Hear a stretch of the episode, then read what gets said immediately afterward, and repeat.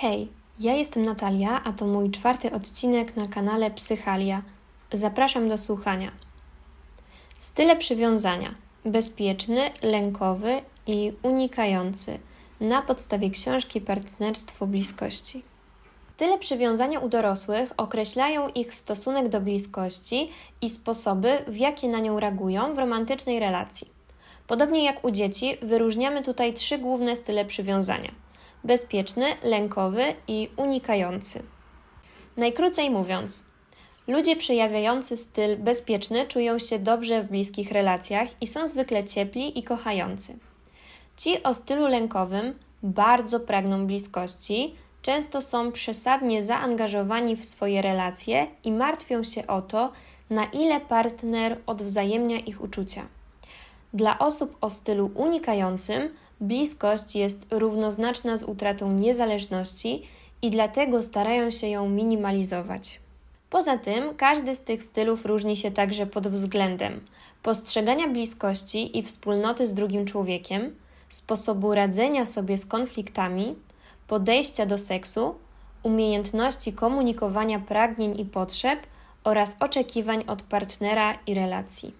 Jednym z głównych założeń tej teorii jest to, że każdy z nas jest z góry zaprogramowany na określony sposób zachowania w romantycznej sytuacji. Skąd biorą się style przywiązania? Początkowo sądzono, że style przywiązania są przede wszystkim wynikiem sposobu wychowania dzieci przez rodziców. Stąd wzięła się hipoteza, że aktualny styl przywiązania danej osoby jest zdeterminowany sposobem, w jaki zajmowano się nią w dzieciństwie. Jeśli Twoi rodzice byli współczujący, dostępni i reagowali na Twoje potrzeby, powinieneś reprezentować styl bezpieczny. Jeśli okazywali Ci ambiwalencję, wówczas zapewne rozwinął się u Ciebie styl lękowy. Jeśli zaś zachowywali dystans, byli sztywni i nie reagowali na Twoje potrzeby, wówczas najpewniej wykształcił się u Ciebie styl unikający. Dziś wiemy jednak, że na zachowania dorosłych w relacjach uczuciowych ma wpływ wiele różnych czynników. To, jak zajmowali się nami nasi rodzice, ma co prawda znaczenie, ale liczą się także na przykład nasze życiowe doświadczenia. To błysk geniuszu Johna Bowlbiego pozwolił mu zrozumieć, że ewolucja zaprogramowała nas tak, byśmy wybierali w życiu kilka konkretnych osób i nadawali im szczególną wartość. Jesteśmy zaprogramowani do pozostawania w relacji zależności z ważnymi dla nas osobami. Bolby twierdził, że w toku ewolucji selekcja naturalna wybierała te osobniki, które przywiązywały się do innych, ponieważ przywiązanie oznaczało przewagę ułatwiającą przeżycie. W czasach prehistorycznych ludzie, którzy polegali jedynie na sobie i nie mieli nikogo, kto by ich obronił, łatwiej padali ofiarą różnych nieszczęść, podczas gdy ci, którzy byli w relacji z osobą, która o nich dbała, częściej przeżywali i przekazywali skłonność do tworzenia bliskich więzi swoim potomkom. W rzeczy samej potrzeba posiadania bliskiej osoby jest tak ważna, że w naszych mózgach wykształcił się osobny biologiczny mechanizm odpowiedzialny wyłącznie za tworzenie i regulowanie relacji z ludźmi, do których jesteśmy przywiązani rodzicami, dziećmi, partnerami. Nazywa się on systemem przywiązania i składa się z emocji oraz zachowań, które zapewniają nam poczucie bezpieczeństwa i ochrony płynące z samego tylko faktu przebywania blisko kochanej osoby. Teoria więzi. Została ona sformułowana w oparciu o dużą liczbę danych. W przeciwieństwie do wielu innych teorii psychologicznych, które powstały w oparciu o rozmowy z parami przychodzącymi na terapię, ta czerpie informacje od ogółu populacji od tych, którzy żyją w szczęśliwych związkach i tych, którzy takich związków nie mają.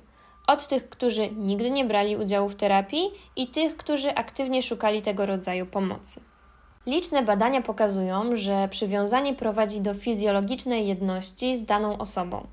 Obecność partnera reguluje nasze ciśnienie krwi, tętno, oddech i poziom hormonów we krwi.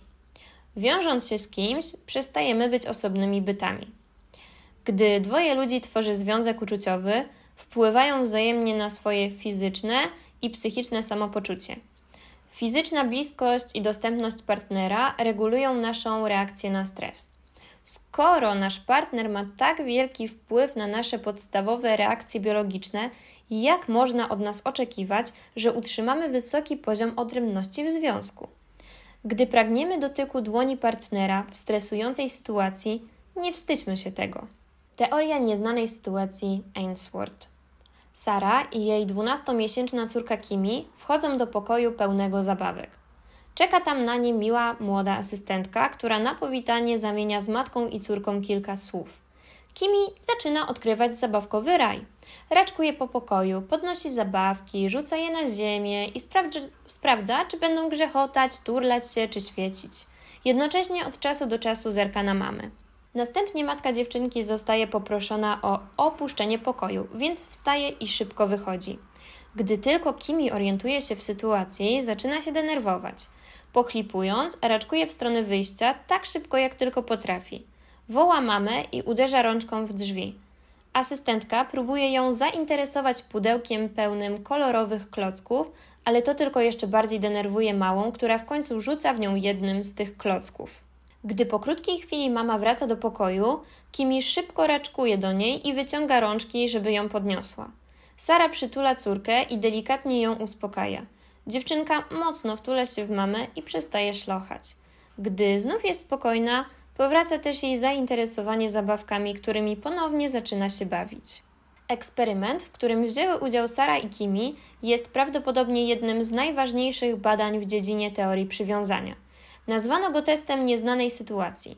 Historia opowiedziana powyżej jest wersją skróconą.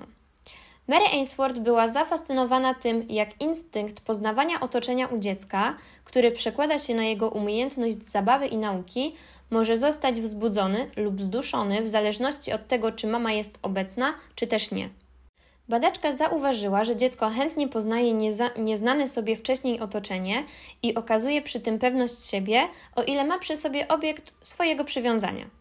Obecność tego obiektu znana jest pod nazwą bezpiecznej bazy. Jest to świadomość, że stoi za tobą ktoś, kto cię wspiera, na kim możesz w 100% polegać i do kogo zawsze możesz się zwrócić w potrzebie. Bezpieczna baza jest podstawą, bez której dziecko nie będzie się prawidłowo rozwijać, uczyć i poznawać otoczenia. Bezpieczna baza dla dorosłych. Jako dorośli nie bawimy się już co prawda zabawkami, ale musimy stawiać czoło światu i radzić sobie z nowymi sytuacjami i trudnymi wyzwaniami. Chcemy być wysoko wydajni w pracy, robić ciekawe i odprężające rzeczy w wolnym czasie i znajdować w sobie dostatecznie dużo ciepła i cierpliwości, żeby dbać o naszych bliskich. Jeśli czujemy się bezpiecznie, jak dziecko w teście nieznanej sytuacji, gdy matka jest obecna w pokoju, świat leży u naszych stóp. Mamy dość odwagi, by podejmować ryzyko, szukać inspiracji i podążać za naszymi marzeniami. Jeśli jednak nam tego poczucia bezpieczeństwa brakuje, jeśli jesteśmy niepewni tego, czy najbliższa nam osoba, nasz romantyczny partner naprawdę w nas wierzy, wspiera nas i będzie z nami, gdy będziemy tego potrzebować, będzie nam znacznie trudniej skoncentrować się na zadaniach, jakie stawia przed nami życie. Jak w teście nieznanej sytuacji, świadomość, że można całkowicie polegać na kimś bliskim i poczucie bezpieczeństwa, jakie on nam daje, zwłaszcza jeśli wie, jak nas uspokoić w trudnych chwilach, pozwalają nam skupić uwagę na wszystkich innych aspektach życia, które nadają mu sens. Przedstawię Wam teraz tyle przywiązania opisane w książce Partnerstwo Bliskości. Zaczniemy od stylu lękowego. Uwielbiasz bliskość i masz w sobie zdolność do wielkiej intymności. Często jednak boisz się, że bliska osoba nie życzy jej sobie w takim samym stopniu. Relacje pożerają sporą część Twojej energii emocjonalnej. Masz skłonność do wrażliwości na niewielkie wahania nastrojów i zachowań bliskiej osoby. Mimo, że często trafnie te emocje i zachowania odczytujesz, bierzesz je zanadto do siebie. W ramach relacji przeżywasz wiele negatywnych emocji i łatwo się denerwujesz. W rezultacie często zdarza ci się wybuchać i powiedzieć coś, czego później żałujesz. Jeśli druga osoba zapewni ci bezpieczeństwo, jesteś w stanie przestać aż tak silnie zajmować się waszym związkiem i poczuć zadowolenie. Styl bezpieczny. Z łatwością przychodzi ci okazywanie w związku ciepła i miłości. Lubisz bliskość i nie wiąże się ona u ciebie z przesadną troską. Bez trudu radzisz sobie w romantycznych relacjach i kwestie te nie wyprowadzają cię łatwo z równowagi. Umiesz skutecznie komunikować swoje potrzeby i uczucia partnerowi, z łatwością czytasz jego emocjonalne komunikaty i potrafisz na nie reagować.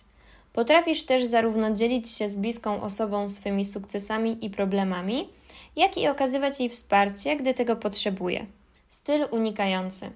Twoja niezależność i samowystarczalność są dla Ciebie bardzo ważne i często przedkładasz autonomię nad bliskość.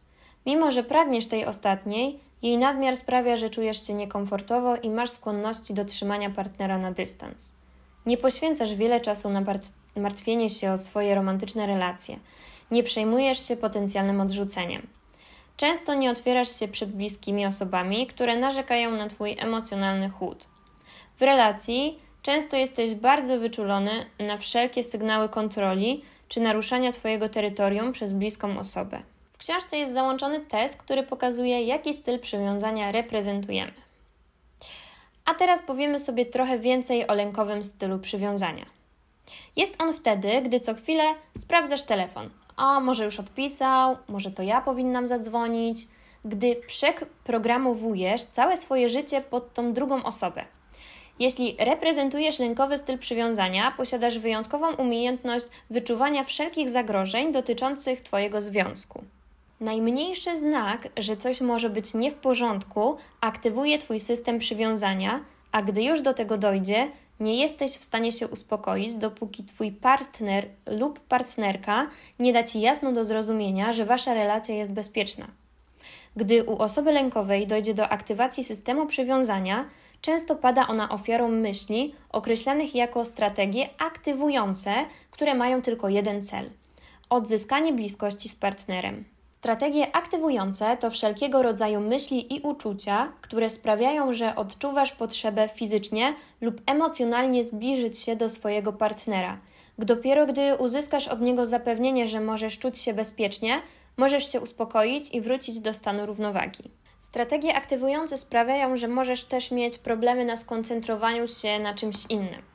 Możesz czuć nieprzyjemne uczucie braku, które znika jedynie wówczas, gdy kontakt z tą osobą znów zostaje nawiązany. Możesz mieć przekonanie, że to Twoja jedyna szansa na miłość oraz że mimo, że nie jesteś w tym związku szczęśliwy, trwanie w nim jest lepsze niż pozwolenie partnerowi odejść. Nie pozwól, by inni wywoływali u ciebie poczucie winy z powodu tego, że potrzebujesz innych i jesteś mało niezależny czy niezależna. Nie wstydź się, że czujesz się niekompletny, nie będąc w związku, ani tego, że chcesz być blisko drugiej osoby i na niej polegać. Zacznij oceniać ludzi, z którymi się spotykasz w kontekście swoich potrzeb. Zamiast się zastanawiać, jak możesz się zmienić, żeby zrobić przyjemność partnerowi, jak radzi wiele poradników o związkach, zadawaj sobie pytanie: czy ta osoba może mi dać to, czego potrzebuje do szczęścia? Nie graj w żadne wyczerpujące gierki, bo na dłuższą metę się zmęczysz uda ci się wykreować na kogoś innego niż w rzeczywistości jesteś. Ale czy o to chodzi w związku, żeby udawać? Osoba o lękowym stylu przywiązania ma skłonność do zakładania, że spotkanie kogoś odpowiedniego jest mało prawdopodobne, mimo że wcale tak nie musi być. Jest całe mnóstwo uroczych, inteligentnych ludzi, którzy mogą cię uszczęśliwić, ale jest także wielu takich, którzy nie są dla ciebie odpowiedni. Osoby y, o stylu lękowym mają skłonność do przywiązywania się bardzo szybko, czasami tylko na podstawie fizycznego zauroczenia. Jedna wspólna noc albo nawet zaledwie namiętny pocałonek i bum.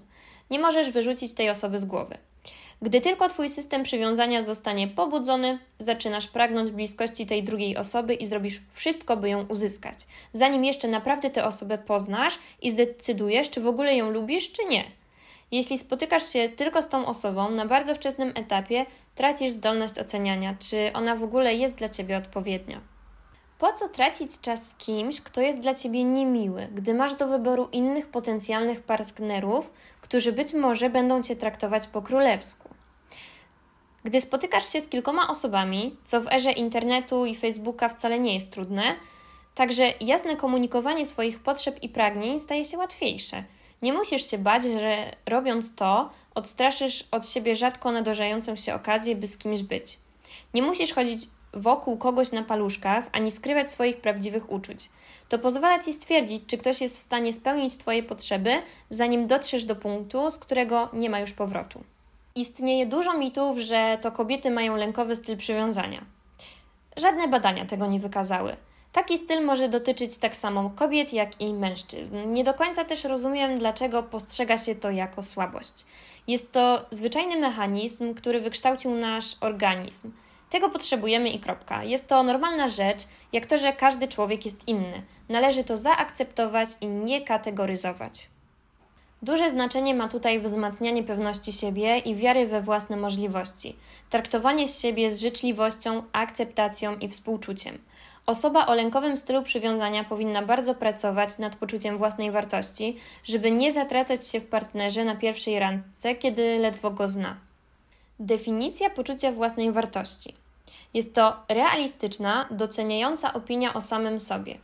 Określenie realistyczna oznacza, że jest to opinia precyzyjna i uczciwa, a doceniająca wskazuje na pozytywne uczucia wobec siebie i na lubienie siebie.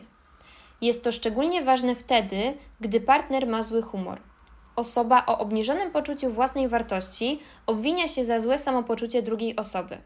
Osoba o dużym poczuciu własnej wartości wie, że spowodowane jest to innymi rzeczami i nie ma sobie tego za złe. Osoby mające poczucie własnej wartości nie postrzegają siebie ani jako nadludzi, ani jako podludzi. Znając swoje wady i niedoskonałości, są zadowolone z tego, kim są. Przyjmują to ze spokojem, a owe poczucie jest w nich głęboko zakorzenione. Przedstawię Wam inspirującą historię, którą przeczytałam w książce Jesteś kimś więcej niż myślisz Shiraldiego. Troje moich dzieci bujało się na huśtawkach w parku z czego dwoje nauczyło się już wcześniej samodzielnie rozhuśtywać. A dla każdego ojca jest to wielki dzień, gdy dziecko chwyta zasadę bujania się na huśtawce. Zatem dwójka huśtała się naprawdę wysoko i Devon krzyknął: Nadążam za Katrin. A Katrin spojrzała w jego stronę i powiedziała: Nadążam za Devonem, bo rzeczywiście huśtali się w równym tempie.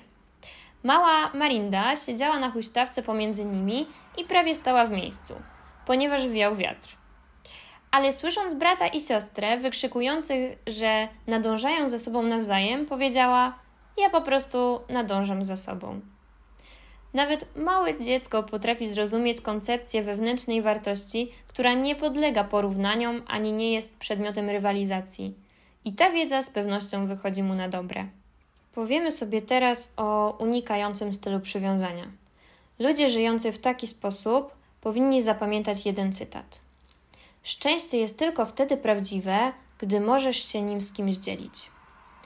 Posiadając unikający styl przywiązania, nieważne czy jesteś singlem, czy żyjesz w długotrwałym związku, zawsze starasz się manewrować tak, żeby trzymać ludzi na dystans. Pogardzasz innymi za to, że posiadają potrzeby, na które sam jesteś odporny. Jeżeli jesteś w związku z osobą lękową, to jej potrzeba bliskości wydaje ci się słabością. Unikający nawet będąc w związku czują w sobie głęboką samotność, podczas gdy osoby o bezpiecznym stylu przywiązania z łatwością akceptują swoich partnerów z wszystkimi ich wadami i nie mają problemu z zależnością od nich, jak również wierzą, że ludzie ci są wyjątkowi i szczególni. Dla osób o unikającym stylu przywiązania takie nastawienie jest poważnym życiowym wyzwaniem. Jak jeszcze objawia się unikający styl przywiązania? Mówienie lub myślenie nie jestem gotowy na to, żeby się zaangażować, a równocześnie pozostawanie w związku mimo wszystko czasem całe lata. Skupianie się na małych niedoskonałościach partnera, sposobie w jaki mówi, ubiera się, je i pozwalanie na to, aby ta rzecz przesłoniła romantyczne uczucia do tej osoby. Wspominanie byłej dziewczyny, byłego chłopaka. Flirtowanie z innymi. Bolesny sposób na wprowadzenie do związku niepewności. Nie mówienie kocham cię, a jednocześnie implikowanie, że coś się do tej osoby czuje. Odsuwanie się, gdy wszystko idzie dobrze, na przykład niedzwonienie przez kilka dni po intymnej randce. Tworzenie relacji o niemożliwej przyszłości, na przykład z osobą będącą w związku małżeńskim. Mentalne wyłączanie się, gdy twój partner do ciebie mówi. Posiadanie swoich tajemnic i podtrzymywanie wątpliwości, aby zachować poczucie niezależności. Unikanie fizycznej bliskości, na przykład niechęć do spania w jednym łóżku, niechęć do seksu, nawyk chodzenia kilka kroków przed swoim partnerem. Wiele osób o unikającym stylu przywiązania myli samodzielność z niezależnością. Mimo, że dla każdego z nas umiejętność stania na własnych nogach jest ważna, Jeśli ją przeceniamy i pomniejszamy znaczenie wsparcia, jakie otrzymujemy od innych ludzi, odcinamy się od ważnego źródła życiowej energii. Problem polega na tym, że poza przykładaniem wielkiej wagi do samodzielności, szkolisz się także w lekceważeniu uczuć najbliższej ci osoby. Zakładasz, że dbanie o nie nie jest Twoim zadaniem, że to ta osoba powinna sama zająć się swoim stanem emocjonalnym. Ten brak zrozumienia jest odpowiedzialny za to, że partnerzy osób reprezentujących unikający styl przywiązania narzekają na brak emocjonalnego wsparcia w związku oraz na zmniejszony poziom bliskości, ciepła i satysfakcji w związku. Przekonując się, że tak naprawdę tęsknią za kimś ze swojej przeszłości albo że jeszcze nie spotkali tej właściwej osoby, ale są blisko, osoby o unikającym stylu przywiązania zmniejszają swoje szanse na miłość. Trzymanie się wyobrażenia idealnego partnera jest jednym z najpotężniejszych możliwych narzędzi trzymania ludzi na dystans. Pozwala wierzyć, że problem leży nie w nas, tylko w naszym partnerze, że to osoba, z którą jesteśmy, po prostu nie jest dostatecznie dobra. Z bezpiecznej odległości, gdy bliskość przestaje być zagrożeniem i nie trzeba już tłumić swoich prawdziwych uczuć, osoba unikająca dochodzi do wniosku, że związek, który należy już do przeszłości, był właściwie najlepszym, w jakim dotąd była. Oczywiście nie potrafi już sobie przypomnieć, dlaczego właściwie myślała, że tak nie jest, gdy związek trwał i jakie znalazła powody do zerwania, albo może dlaczego zachowywała się tak nieznośnie, że nie zostawiła partnerowi wyboru innego niż odejście. Czy kiedykolwiek zdarzyło ci się zacząć spotykać z kimś, kto na początku wydawał ci się fantastyczny, ale w miarę jak stawaliście się sobie bliżsi, coraz bardziej przytłaczało cię uczucie, że ta osoba nie jest jednak aż tak wspaniała? To się może zdarzyć nawet po wielu randkach albo pojawić jako nagłe, intensywne uczucie chłodu. Cały czas wierzysz, że on lub ona jest tą wymarzoną osobą, a potem nagle to wrażenie zupełnie znika. E, zaczynasz zauważyć, że partner ma dziwny sposób jedzenia albo do szału doprowadza cię to, jak wydmuchuje nos. Wreszcie po początkowej euforii czujesz, że się dusisz i koniecznie musisz zrobić krok w tył.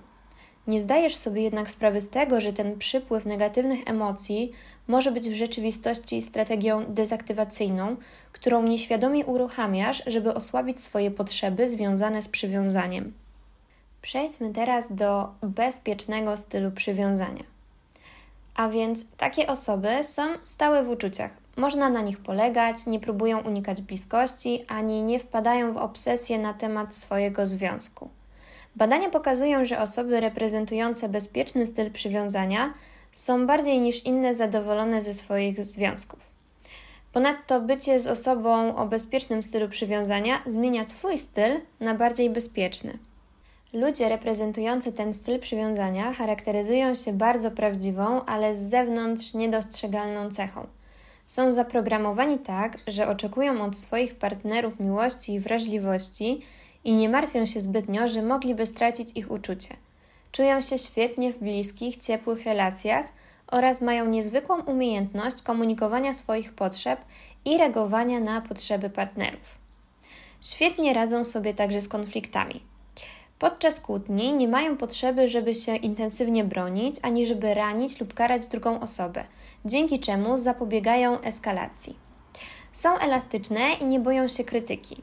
Są skłonne do przemyślenia swojego postępowania, a gdy to konieczne, do zmiany poglądów i strategii.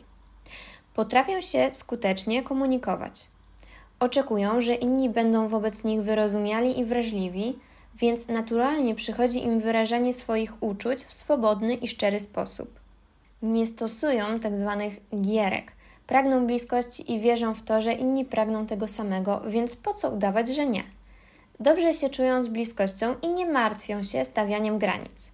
Szukają bliskości i nie boją się, że zostaną w coś wplątani, ponieważ nie przytłacza ich lęk, że mogliby zostać upokorzeni, czego boją się osoby lękowe ani nie mają potrzeby dezaktywowania uczuć, jak to robią osoby unikające.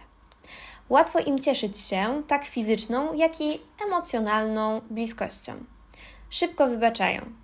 Zakładają, że ich partner ma dobre intencje i dlatego stosunkowo łatwo przychodzi im wybaczyć, gdy ta osoba jakoś ich zrani. Mają skłonność do postrzegania seksu i emocjonalnej bliskości jako czegoś, co idzie w parze Nie potrzebują tworzyć dystansu, oddzielając, oddzielając jedno od drugiego, w sensie bycia blisko albo emocjonalnie, albo cieleśnie, ale już nie jedno i drugie naraz. Traktują swoich bliskich po królewsku. Gdy już staniesz się częścią ich wewnętrznego kręgu, traktują cię z miłością i szacunkiem. Wierzą, że potrafią ulepszać swój związek, a ponieważ są pewni swoich pozytywnych przekonań na własny temat i na temat innych, założenie to jest jak najbardziej logiczne. I ostatnie czują się odpowiedzialni za dobre samopoczucie swojego partnera. Rodzi się pytanie, skąd ten talent? Czy osoby o bezpiecznym stylu przywiązania rodzą się z tą wyjątkową zdolnością, czy jest ona raczej wyuczona? John Bowlby uważał, że style przywiązania wynikają z życiowego doświadczenia, zwłaszcza z charakteru naszych interakcji z rodzicami w dzieciństwie. Aby u człowieka wykształcił się bezpieczny styl przywiązania, jego rodzice muszą być wrażliwi i reagować na potrzeby dziecka.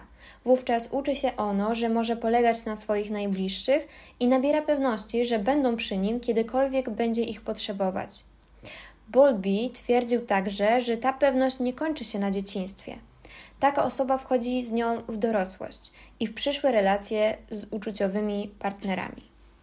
Aby jeszcze bardziej skomplikować tę kwestię, w ostatnich latach coraz większą popularność w świecie nauki zyskuje przekonanie, że posiadamy pewne genetyczne predyspozycje w kierunku konkretnych stylów przywiązania.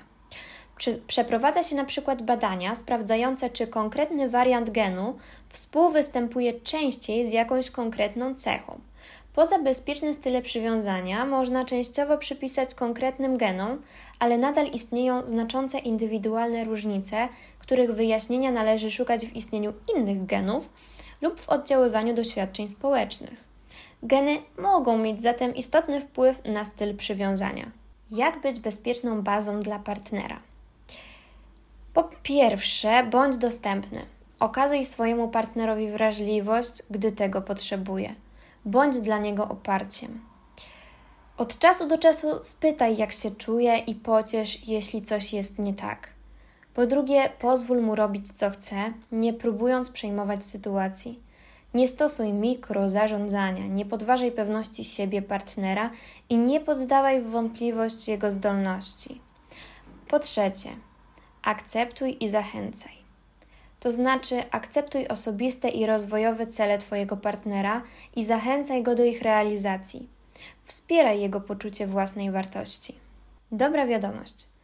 Bezpieczni mają zdrowe instynkty i zwykle bardzo wcześnie rozumieją, że ktoś nie nadaje się na partnera dla nich.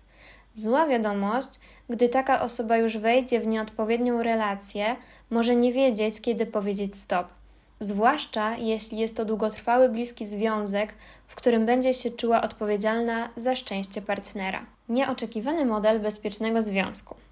Susan Phillips, współautorka książki Healing Together, opisuje nasze relacje z domowymi zwierzętami jako źródło inspiracji dla naszych związków uczuciowych. W swojej książce podkreśla, że zwierzęta postrzegamy raczej jako nieegoistyczne i kochające, mimo że przecież często źle się zachowują. Budzą nas w nocy, niszczą nasze rzeczy i domagają się od nas niepodzielnej uwagi, a jednak mamy skłonność do przymykania oka na te zachowania i nie mają one wpływu na pozytywne uczucia wobec naszych podopiecznych. Właściwie relacje z naszymi zwierzętami to doskonały przykład obecności bezpiecznych związków w naszym życiu – możemy wykorzystać nasze podejście do zwierząt jako źródło bezpiecznego modelu przywiązania. Bowiem nie zakładamy, że nasi pupile specjalnie robią nam na złość i nie chowamy do nich urazy, nawet jeśli zjedzą coś, czego jeść nie powinny, albo narobią bałaganu. Nawet jeśli mieliśmy trudny dzień w pracy. Nadal ciepło się z nimi witamy po powrocie do domu i jesteśmy im wierni, niezależnie od tego, co się w naszym życiu dzieje. Kolejny temat, jaki poruszę, to komunikacja. I pierwsza nasza komunikacja dotyczyć będzie osoby o lękowym stylu przywiązania. Więc gdy zaczynasz czuć, że coś jest nie tak w Twoim związku, często szybko zalewają Cię negatywne emocje i zaczynasz myśleć w sposób krańcowy. W przeciwieństwie do osób o bezpiecznym stylu przywiązania, nie oczekujesz, że Twój partner zareaguje pozytywnie, tylko spodziewasz się raczej najgorszego. Postrzegasz związek jako coś delikatnego i niestabilnego, co może w każdym momencie runąć. Te myśli i założenia sprawiają, że trudno ci skutecznie wyrażać swoje potrzeby. Gdy już zaczynasz rozmawiać z partnerem, zachowujesz się często wybuchowo. Oskarżasz, uciekasz się do krytyki i gruźb. Zamiast zapewnić cię o swoich uczuciach, na czym tak naprawdę ci zależy, twój partner może się w tej sytuacji wycofać. Komunikacja, jeśli jesteś osobą o unikającym stylu przywiązania. Mimo, że nic tak nie zbliża ludzi jak poczucie, że kogoś rozumieją i są przez niego rozumiani, skuteczna komunikacja ma coś do zaoferowania również osobom o unikającym stylu przywiązania. Tacy ludzie często nie są świadomi swojej potrzeby dystansowania się, odczuwają przymus wyrwania się, ale nie rozumieją skąd on się bierze. Gdy pojawia się to uczucie, możesz założyć, że twój partner po prostu już cię tak nie pociąga. A jeśli tak, to o czym tu jeszcze rozmawiać? Prawdopodobnie po prostu nie jest tym jedynym, więc po co właściwie przeciągać nieuchronną agonię waszego związku? Potem jednak okazuje się, że nie udają ci się kolejne relacje i cały czas powtarza się w nich ten sam schemat. Jeśli więc jesteś osobą unikającą, zacznij od uznania własnej potrzeby przestrzeni, czy to fizycznej, czy emocjonalnej, która to potrzeba pojawia się, gdy zbytnio zbliżasz się do partnera, a następnie naucz się komunikować tę potrzebę. Wyjaśnij z wyprzedzeniem partnerowi, że gdy robi się zbyt ckliwie, potrzebujesz odrobiny samotności. Podkreśl, że nie jest to reakcja na konkretną osobę, ale raczej potrzeba, jaką masz w każdej relacji. Ta część informacji jest szczególnie ważna. W ten sposób stłumisz wątpliwości partnera i uspokoisz jego system przywiązania, dzięki czemu będzie mniej prawdopodobne, że ta osoba spróbuje zintensyfikować swoje wysiłki zbliżenia się do ciebie, czego przecież nie lubisz. Podstawy skutecznej komunikacji. Najlepiej nie robić tego, gdy jesteś zdenerwowany. Dobrze też zignorować rady przyjaciół, którzy sugerują stosowanie niebezpośrednich metod zaspokojania swoich potrzeb, na przykład prób wywołania w partnerze zazdrości. Zastanów się nad tym, co chcesz przekazać swojemu partnerowi. Gdy już masz pewność co do treści, kilka razy powtórz sobie to, co chcesz powiedzieć, aż poczujesz się swobodnie. Dobrze też jest zapisać sobie to wszystko, żeby nie stresować się, że możesz o czymś zapomnieć. Dzięki temu będziesz mógł także poprowadzić tę rozmowę z odpowiednią dozą pewności. Odpowiedz na pytania: dlaczego czuję niepokój lub niepewność? Jakie konkretne zachowania mojego partnera sprawiają, że tak się czuję? Jakie konkretne działania mojego partnera mogłyby podnieść moje poczucie bezpieczeństwa i bycia kochanym, kochaną? Przytoczmy sobie przykład. On nie dzwoni od kilku dni. Martwisz się, że może chcieć z tobą zerwać. Gdy w końcu zadzwoni, mówisz mu, że jesteś zajęta. To go nauczy. O wiele lepiej byłoby, gdybyś powiedziała mu, że to dla ciebie bardzo nieprzyjemne, gdy on niespodziewanie po prostu przestaje się odzywać i że jedną z rzeczy, których najbardziej potrzebujesz w związku, jest poczucie, że przez większość czasu jesteś dla swojego chłopaka najważniejsza. Należy pamiętać, że nawet przy skutecznej komunikacji niektóre problemy nie zostaną natychmiast rozwiązane. Najważniejsza jest reakcja Twojego partnera. Czy martwi się o Twoje samopoczucie? Ma na uwadze Twoje dobro i jest gotów pracować nad ważnymi dla Was sprawami. Ostatni temat, jaki chcę poruszyć, to czy kłótnie mogą sprawić, że będziemy szczęśliwsi.